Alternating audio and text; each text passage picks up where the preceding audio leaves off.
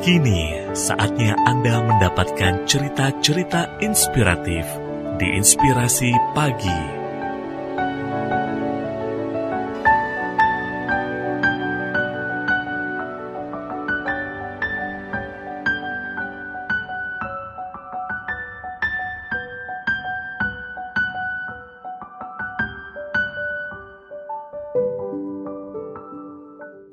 tegar layaknya boneka Shaolin.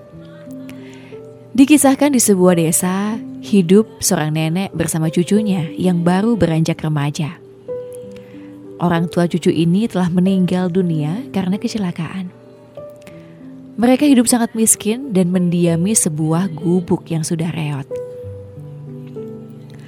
Setiap hari sang nenek bekerja mengumpulkan ranting pohon di hutan dekat tempat tinggal mereka – dan menjualnya untuk menyambung hidup mereka berdua. Hingga suatu hari, sang nenek jatuh sakit, dan si cucu berusaha sebisanya merawat sang nenek.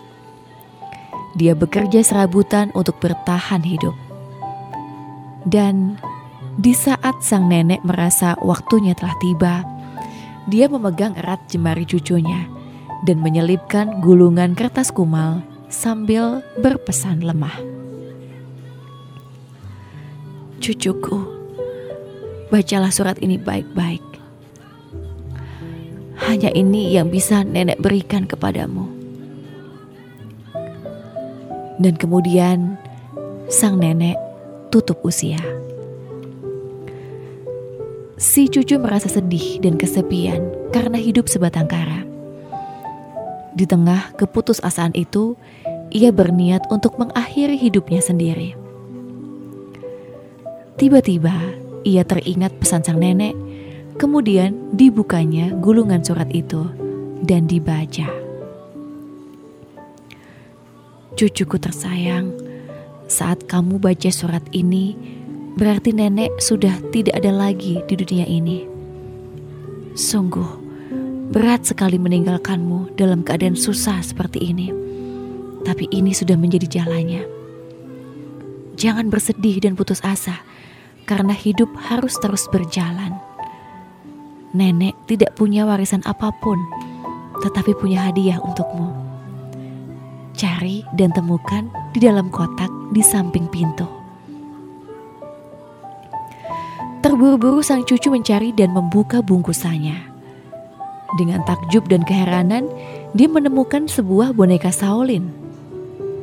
Segera dilanjutkan membaca surat sang nenek. Nenek memberi boneka Shaolin ini agar kamu bisa menjadi seperti dirinya. Lihatlah boneka itu dan cobalah pukul sekuat-kuatnya.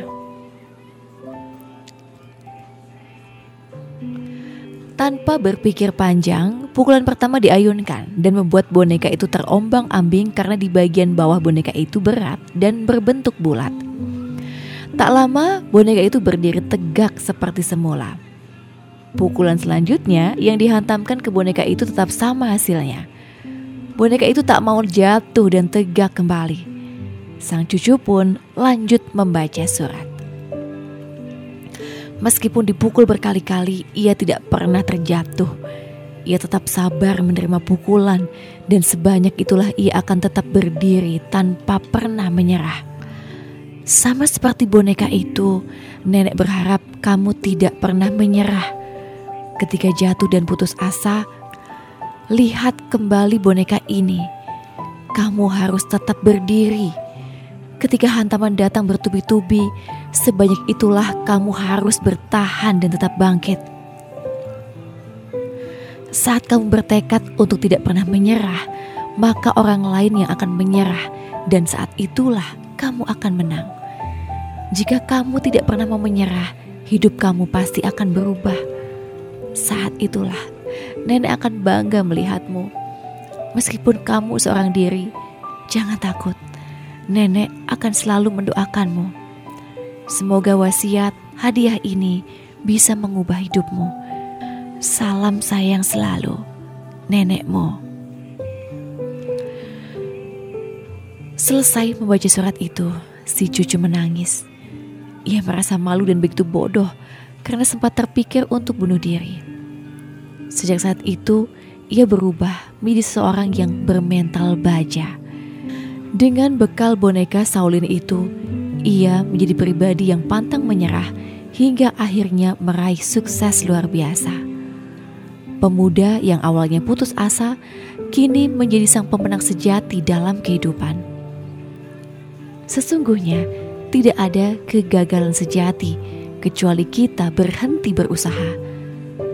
Mari bulatkan tekad untuk tetap tegak berdiri, walaupun hantaman sekeras apa pun yang datang menerpa, sehingga kita bisa berteriak lantang. Aku adalah juara sejati di kehidupan ini. Kerabat Imelda Cerita ini ditulis oleh Andri Wongso Bersumber dari andriwongso.com Untuk inspirasi pagi Imelda FM